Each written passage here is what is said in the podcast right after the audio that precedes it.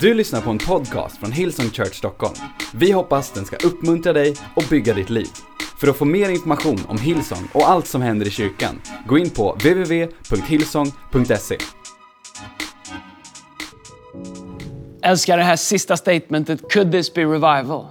De sista åren eh, när vi har eh, varit i vår Heart for the House-säsong och så ofta under visionssöndagar så har du hört mig prata och pastor Brian prata om att spänna ut tältpluggarna, om att breda ut oss, om att ta mer plats och ta mer utrymme eh, i det som Gud har kallat oss till. Det handlar inte bara om mer byggnader och större byggnader och eh, fler campusar. Det handlar också om att göra rum i våra hjärtan för Gud och för den heliga Ande och för Guds kallelse i våra liv. Jag tror att hela livet är eh, ett långt commitment till att göra space i våra liv för det som Gud har tänkt. Jag tänker ofta på det. Nu har jag varit hemma i Sverige längre än jag har varit på många, många år. Vi har varit grounded här på grund av covid-19. Men så många gånger när jag har flugit in, under så många år flugit in över Sverige, så har jag slåtts av när man bor här i Stockholm. Allt känns bebyggt, allt känns trångt, det känns som det är vägar och hus precis överallt. Jag vet inte hur många år av mitt liv som har gått bort till att sitta fast i infartsköerna till Stockholm under åren. Men när man flyger in över Sverige så inser man att det allra mesta är obebyggt. Det allra mesta är open space. Det allra mesta är öppet landskap som, som är fullt av potential för olika saker. Givetvis är det naturen och vi älskar den. Men jag inser att det, skillnaden är mitt perspektiv. Här nere i min bil eller på kollektivtrafik så känns allt trångt, belamrat och, och, och, och redan färdigbyggt. Men bara jag kommer upp i luften lite grann och får ett annat perspektiv så ser jag att det är inte så det är. Jag tror att våra liv är sådana. Jag tror att våra vision så ofta kan vara så, både vad det gäller kyrkan och vad det gäller våra liv. Att vi lever våra liv från ett perspektiv, från ett markperspektiv. Och det vi ser är trängsel, det vi ser är eh, att, det, att det inte finns utrymme, det vi ser är att det inte finns en väg framåt. Och så börjar vårt tänkande begränsas av vårt markperspektiv. Men vet du, jag älskar hur Gud är. Hela Guds väsen handlar hela tiden om att lyfta oss upp, om att ge ett annat perspektiv. Och det finns ett bibelord i Uppenbarelseboken kapitel eh, 4, vers 1. Där, eh, där Gud säger till Johannes så här. Sedan såg jag och se en dörr stå öppen till himlen. Och rösten som, först, som jag först hade hört, den som lät som en trumpetstöt, sa Kom hit upp, ska jag visa dig vad som måste hända i framtiden. Nej, som Johannes, han, han ser allt som händer i världen, men, men, men Gud säger kom hit upp så ska jag visa dig vad som måste hända i framtiden. Och den här versen har huggt tag i mig. Jag, jag funderar på vad som skulle hända om vi förstod värdet av att ta Guds perspektiv. Om vi förstod värdet av att se det Gud ser, om vi kunde lära oss att se det som Gud ser det. När vi drömmer om vår framtid, när vi drömmer om det som Gud har kallat oss. När vi ser hur vår kyrka når ut på ett sätt som vi aldrig har gjort tidigare. När vi hör om förvandlade liv, men vet du, när vi också ser alla utmaningar i samhället. Jag vet inte om det bara har drabbat mig den sista tiden, men vårt samhälle har aldrig känts mer splittrat. Politiskt käbbel, äh, ledare som bråkar, segregation, arbetslöshet, så mycket polariserande, fasta åsikter, eh, grupper som slåss mot varandra och vi känner oss inlåsta i olika saker. Och när man tittar på vår värld kan man tänka, hur ska de kunna reda ut allt det här? Hur ska man uppfostra sina barn på bästa sätt? Hur ska jag bygga mitt liv på bästa sätt? Hur håller man ihop en relation? Och, ah, när allting runt omkring verkar skaka och det verkar som det finns inga föredömen på det sättet som vi skulle behöva. Det finns inga lösningar. Människor låser varandra, vi, vi hugger på varandra. Och sociala medier är fulla av människor som, som attackerar varandra. Och, eh, allt känns polariserat, allt känns färdigbestämt. Och det är som att navigera i ett minfält ibland. Men vet du, då tänker jag på den här versen. När Gud säger, hej, kom hit upp så ska jag visa dig någonting annat. Kom hit upp så ska jag visa dig någonting mer. Vet du vad kallelsen med vår kyrka är? Vår kyrka är inte att fightas och slåss och, och, och begränsas av yttre omständigheter eller inre omständigheter. Eller att vi inte har byggnader eller av omöjligheter. Våran roll som kyrka, det är att komma hit upp. Vår roll som kyrka det är att inse att det finns en Gud som ser det vi inte ser. På samma sätt som när jag flyger in med ett flygplan och ser att hej, hela Sverige är fullt av öppen underbar mark. Så är skillnaden när vi tittar på våra liv. Kanske sitter du fast i ett perspektiv där du, du, du, du ser saker här nerifrån. Allt verkar stängt. Kanske har du tappat bort visionen med ditt liv. Kanske när du var yngre så kändes det som att det fanns en wide open space av drömmar och visioner, av saker du ville göra med ditt liv. Men så har livet krympt ihop och, och, och du lever med en trång bild av vad som är möjligt. Jag tror att det är Herrens ord till oss. Om att följa med Gud upp och se hans perspektiv. Mitt commitment för mitt liv, mitt commitment till våran kyrka, det är att se till att vi hela tiden kommer dit upp där Gud är och ser det som Gud ser. För vet du, i våran värld, i vårt samhälle och det som vi är kallade till, så har Gud alltid en plan. Det finns ett bibelord i, i Jesaja kapitel 33, uh, eh, vers, uh, uh, vad kan det vara? Allt i Jesaja är i och för sig bra, men vers 17 speciellt är bra. Det står så här. Dina ögon ska se kungen i hans härlighet och ett vidsträckt land i fjärran. Vet du att jag tror att vägen till att se vad Gud ser, det är att börja se Gud där Gud är. Att börja se Gud vart han är. Om vi som kyrka drömmer om väckelse, om vi som kyrka drömmer om att göra en skillnad, så måste vi börja se, vart är Gud? Vad gör, just nu? Vad gör Gud just nu? En av de sakerna som jag försöker göra som ledare i vår kyrka, jag och Lina, det är att försöka se, vad gör Gud just nu? Om vi tittar på det som har varit online de sista veckorna, de eh, sista månaderna. Vi hade ingen online-kyrka, vi hade ingen online-satsning, vi hade inget online-uttryck. Men helt plötsligt när, när fysiska dörrar för att, för, att, för att möta stängdes, så, så var det som att Gud visade oss, hej, här är dörren att gå in nu.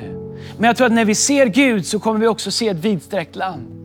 Och jag tror för att i ditt liv, där du tidigare har sett stängda dörrar, där du har sett omöjligheter, där du har känt att livet trycker ihop sig. Att när du börjar se Gud i ditt liv och när du börjar ge Gud det utrymmet i ditt liv som, som Gud vill ha och som Gud behöver ha för att kunna visa dig att det finns ett vidsträckt land i ditt liv också.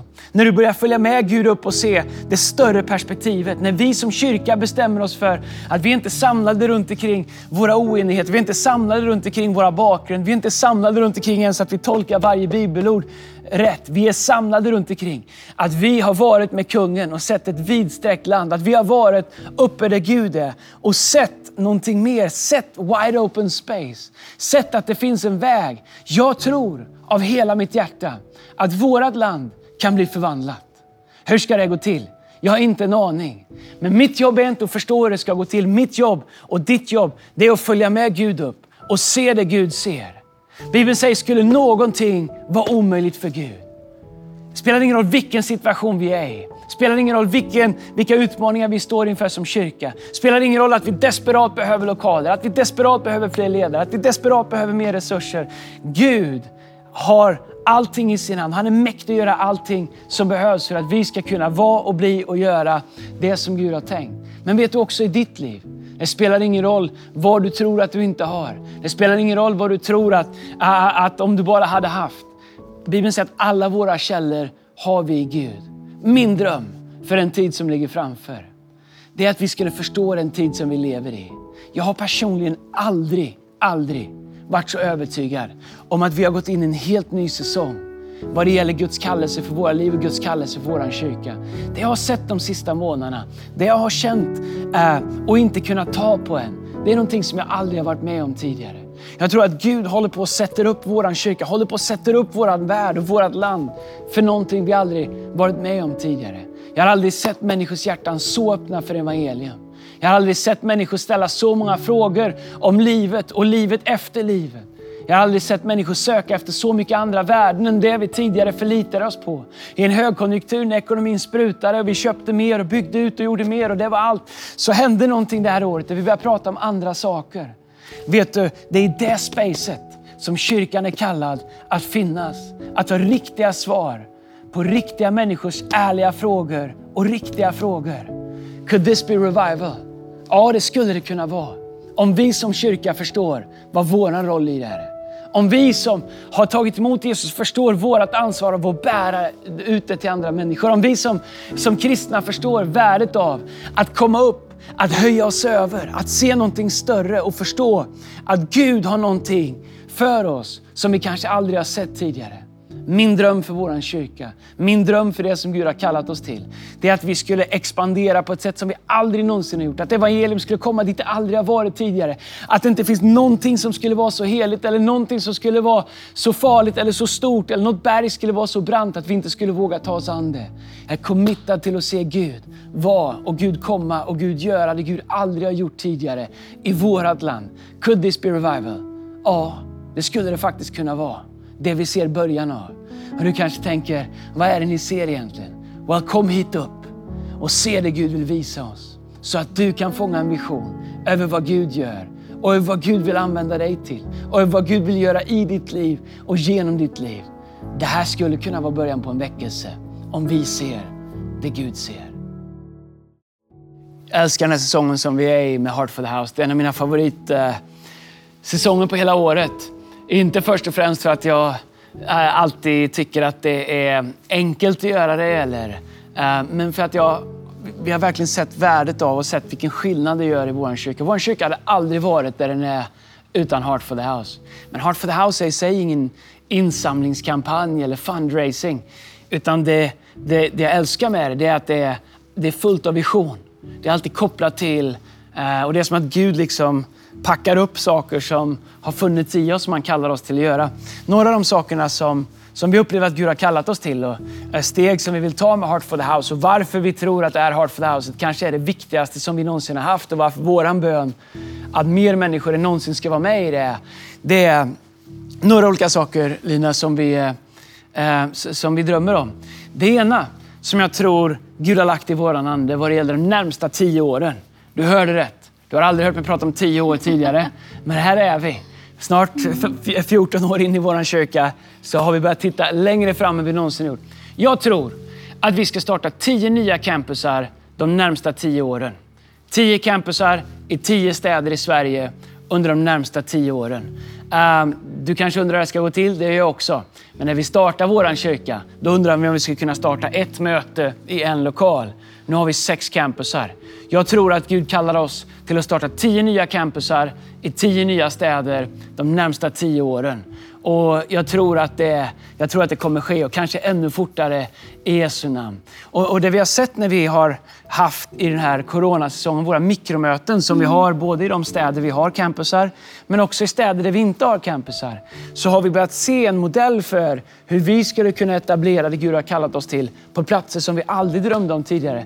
Därför att, att mötas på riktigt, det är det är fortfarande bättre än något annat, eller hur? Ja, ja det är det verkligen. Alltså, för jag vet personligen, för mig första söndagen när jag var på ett mikromöte, då inser man kraften i att samlas verkligen. Att stå i ett rum tillsammans med andra troende som, som lovsjunger Gud och som fantastiskt tro i rummet. Och man märker det vad otroligt mycket kraft det ger till veckan som ligger eh, framför. Men det är så häftigt också, för att vi hade ju aldrig kunnat tänka oss att vi skulle ha mikromöten bara för något år sedan. Så det är häftigt att se hur Gud använder alla säsonger eh, och eh, använder det till någonting fantastiskt och att Gud har de här planerna eh, för vår kyrka. Det är ju Absolut. häftigt ändå. Verkligen. Och här är vad jag tror. Ehm, jag tror att det finns olika steg som vi kan göra här i. Jag tror på campusar där vi äger byggnader, där vi har, ehm, där vi har ett claim i staden. På samma sätt som vi har i våra norra campus, på samma sätt som vi har i Göteborg, på samma sätt som vi har ett kontor inne i Stockholm city och drömmer om byggnader i både Stockholm och i södra Stockholm och, och eh, i Jönköping och Örebro, så tror jag på campusar där vi faktiskt är en del av staden, där vi är en del av det som, eh, som finns där. Så jag ser framför oss att vi kommer etablera oss i nya städer. Jag ser att vi kommer etablera oss vad det gäller ha egna lokaler så att människor faktiskt kan samlas. Att det mm. finns ett Guds hus där människor kan vara. I tider där människor är mer flyktiga än någonsin och var och en gör det lite på sitt sätt, vilket också har sitt värde, så tror jag att det är viktigare än någonsin för oss att bygga riktiga kyrkor med riktiga campusar i riktiga byggnader som vi äger. Hur ska det gå till? I don't know, men Heart for the House har alltid varit drivande in i det som Gud har kallat oss till i Jesu namn. Mm. Och det för oss in på en annan sak som vi verkligen tror att Gud kallar oss till den här sången och som vi vill stå i tro för att investera i. Det är hela eh, vårt online-arbete. Du har följt oss med vår kyrka de sista 6-7 månaderna. Hur vårt online-arbete har exploderat. Hela vår presence och närvaro online har tagit kyrkan till människor och till platser och till hem där vi aldrig har kunnat drömma om att vara tidigare. Jag vet att vi, vi har eh, eh över 30 000 människor som tittar på oss online varje söndag och vissa söndagar så är det mycket, mycket mer. Men det är någonstans en vanlig söndag just nu, 30 000 människor som tittar på oss. Vi har haft um, ungefär 1,2 miljoner människor som har tittat på gudstjänst sedan vi startade här i mitten på mars. Alltså bara sex månader, 1,2 miljoner. Det är mer än 10 procent av Sveriges befolkning. Så online är här för att stanna. Och en sak vi drömmer om att kunna investera i och kunna bygga, det är ett online-campus.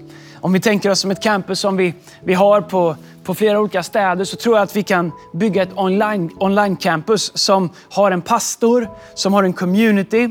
Inte där vi har campusar, inte istället för att komma till kyrkan i Stockholm, eller Göteborg, Jönköping, Örebro eller där vi har nu. Men för platser, inte minst, där vi inte har det. Mm. Och jag ser oss kunna växa det över hela Sverige och kunna följa efter med mikromöten, kunna följa efter med campusar i hela Sverige och kanske till och med in i Finland och på andra ställen där vi inte har varit tidigare. Så ser jag oss kunna bygga en online presence. Därför så drömmer vi om att kunna bygga en online-campus.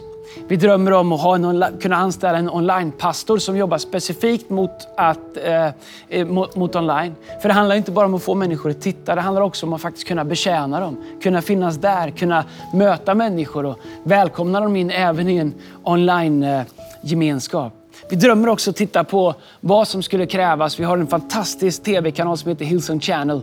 Den finns inte i Sverige än, men vi drömmer om att kunna gifta ihop vårt onlinearbete med kanske Hillsong Channel Scandinavia i framtiden, inom en kort framtid. Och jag tror att det skulle öppna helt otroliga möjligheter för oss att nå människor. Stora steg, stora investeringar. Men vet du egentligen, allt som vi investerar i, det är inte för att, um, för att bygga någonting annat än att se till att vi når människor med de goda nyheterna.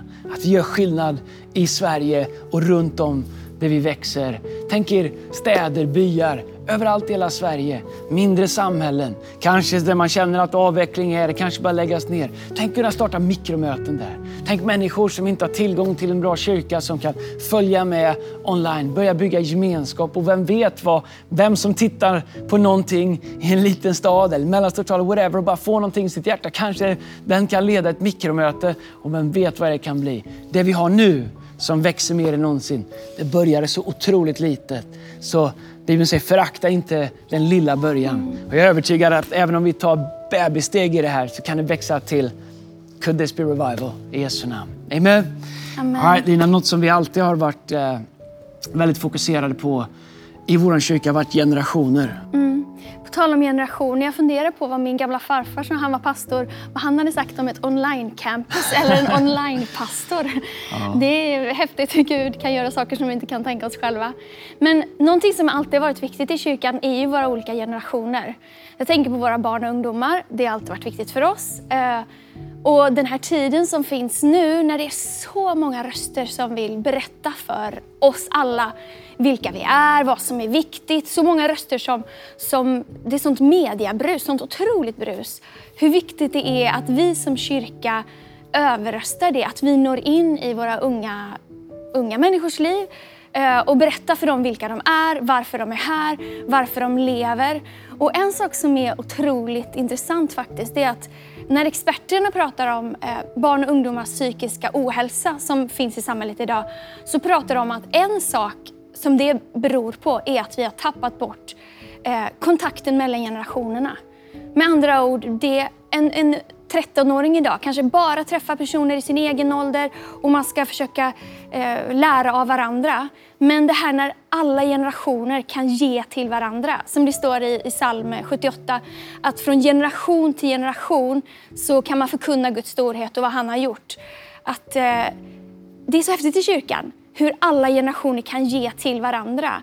Och vi som är lite äldre börjar bli lite äldre och ännu äldre. Så jag befinner mig fortfarande lite yngre. Men eh, hur, hur otroligt mycket det finns att ge. Och till dig som är äldre, vi behöver dig mer än någonsin. Det som ser dig själv som äldre. Du som har sett vad Gud har gjort. Du som vet vem Gud är. Eh, ge av din erfarenhet, din tro, det som du har. Eh, och det är häftigt att se hur kyrkan kan vara en sån plats. Och, och jag tror att en sak som ofta stör mig, det är kanske när tidningar skriver, oss, skriver om oss att vi är en ungdomsförsamling eller som först och främst attraherar unga.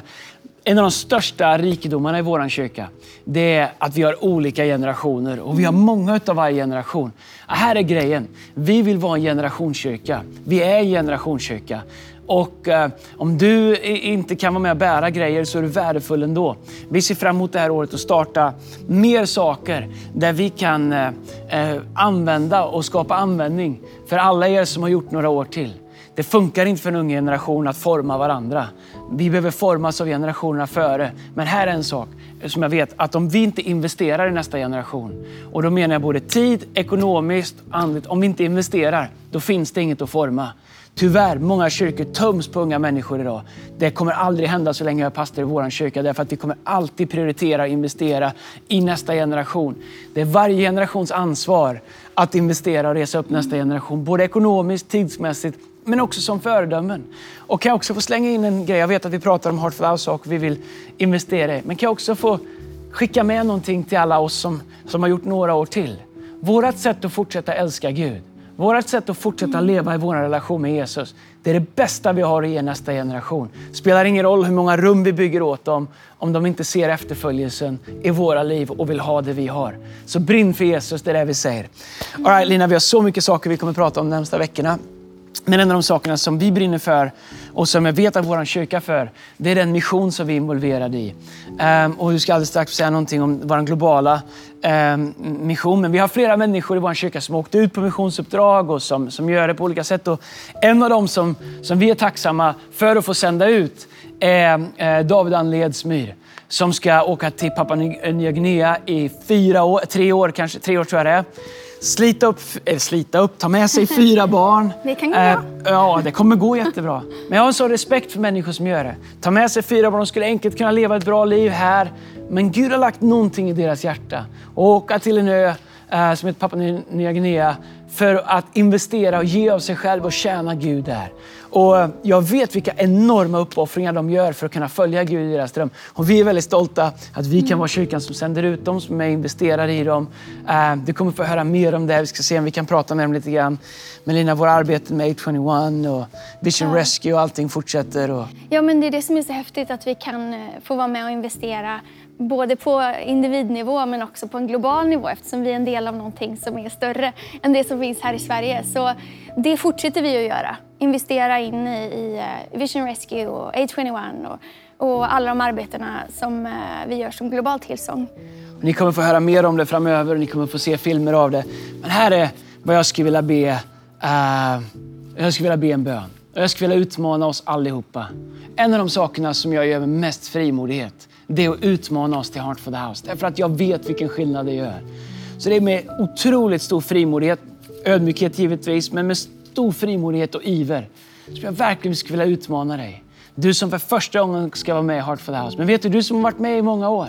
Jag vill utmana dig att inte tänka att du har varit med tidigare eller du har gjort det tidigare. Kanske kan du inte göra samma sak. Kanske kan du göra mer. I don't know. Men det här är ingen engångsgrej. Det här är någonting som vi gör varje år. Därför att vi fortsätter att vilja nå nya människor. Vi kommer aldrig säga, okej, okay, de vi har nått, det får räcka så. Det finns alltid mer människor som behöver Jesus. Det finns alltid mer människor som behöver våra utsträckta händer. Det finns alltid mer människor som behöver få plats under våra tak. Och det finns alltid mer uppdrag från Gud till oss. Gud kommer aldrig kunna göra mer än vad vi bestämmer oss för att involvera oss i. Så därför är min bön att du skulle i år kring Heart for the House, att du skulle, om du är på ett mikromöte, ta med dig sånt där kuvert hem. Vi tittar på att skicka ut dem till, eh, till alla som inte kan komma på ett mikromöte. Och att du skulle ta fram den lappen som är här i. Och att du skulle eh, på baksidan eh, fylla i och börja fundera på vad Gud kallar dig till att göra. Jag och Lina gör det varje år. Vi, vi frågar Gud i början på året för, om att lägga någonting på våra hjärtan som är, som är ett offer i vanliga söndagar samlar vi in kollekt, men vi kallar det här för ett offer. Och det gör vi därför att vi, vi uppmuntrar och uppmanar oss själva att avstå någonting som vi kanske egentligen skulle vilja göra eller har rätt till att göra. För att vara med och ge till någonting som är större än oss själva. Var och en ger utifrån sina egna förutsättningar, helt utan tvång eller krav. Men det här är vad vi gör. Det har varit mycket prat om bidrag och, eh, från regeringen under, eh, olika, under corona. Vi får inga bidrag. Men vi har en kyrka full av vision som har bestämt sig för att vara med och göra eh, skillnad i det vi gör. Ta den här lappen, ställ den på ditt köksbord. Ställ den någonstans på ditt nattduksbord där du ser den varje dag. Fråga Gud på vilket sätt du ska vara med i årets Heart for the House-offer. Och vara med och, och, och, se de sakerna vi har pratat om här idag bli en verklighet i ditt liv. Vår kyrka är aldrig byggt på några få människors stora gåvor eller talanger, utan vår kyrka är byggt på alla våra gemensamma uppoffringar utifrån våra egna förutsättningar, var och en av oss. Så ser jag fram emot en Heart for the House-söndag. Jag ser fram emot en resa dit där vi mm. kan eh, unpacka mer utav det som, eh, som ligger framför oss. Eh, ska vi be för det här och för insamlingen och för den resan som vi är på i Jesu namn. Mm. Fader, jag tackar dig för allting som du gör. Herre, jag tackar dig för det du har kallat oss till. Gud, jag tackar dig för en resa vi har varit på i 14 år som vi aldrig kunde drömma om. Men Gud, vi känner att vi har mer vision än vi någonsin har haft. Mm. Herre, vi drömmer om tio nya campusar i tio nya städer på tio år. Herre. Vi drömmer om mikromöten på platser där vi aldrig kunde drömma om att fira gudstjänst tidigare. Vi drömmer om ett online-campus som når in i världar och når ut till människor som vi aldrig hade nått tidigare. Herre, vi drömmer om en kyrka med starka generationer där en generation reser upp nästa generation. Herre, herre vi drömmer om att få ha en påverkan långt utanför våra gränser. Herre. Långt utanför Sveriges gränser genom det vi gör i Missions. Få göra en skillnad Herre med människor som behöver inte bara eh, mat och vatten men även dig Jesus. Herre, där vi kan göra en fysisk, praktisk och andlig skillnad runt om i världen. Herre, använd oss var och en. Herre, jag ber att du skulle lägga Herre, på varje människas hjärta vad du har kallat oss var och en att göra i den här säsongen. Herre, jag ber att vi inte skulle dra oss tillbaka utan att vi skulle se att det här är en special time. Att vi är i väckelsetider, att vi är i tider där du Herre vill göra skillnad och använda oss var och en. Herre, jag tackar dig för vår kyrka. Jag tackar dig för trofastheten. Herre, jag tackar dig för den nåd som finns över vårt hus. Jag tackar dig för enheten över vårt hus, Herre. Herre, jag tackar dig för visionen som vi förvaltar tillsammans. I Jesu namn. Amen. Amen. Du har lyssnat till en podcast från Hillsong Church Stockholm. Om du vill veta mer om vår kyrka eller om våra söndagsmöten, surfa in på www.hillsong.se.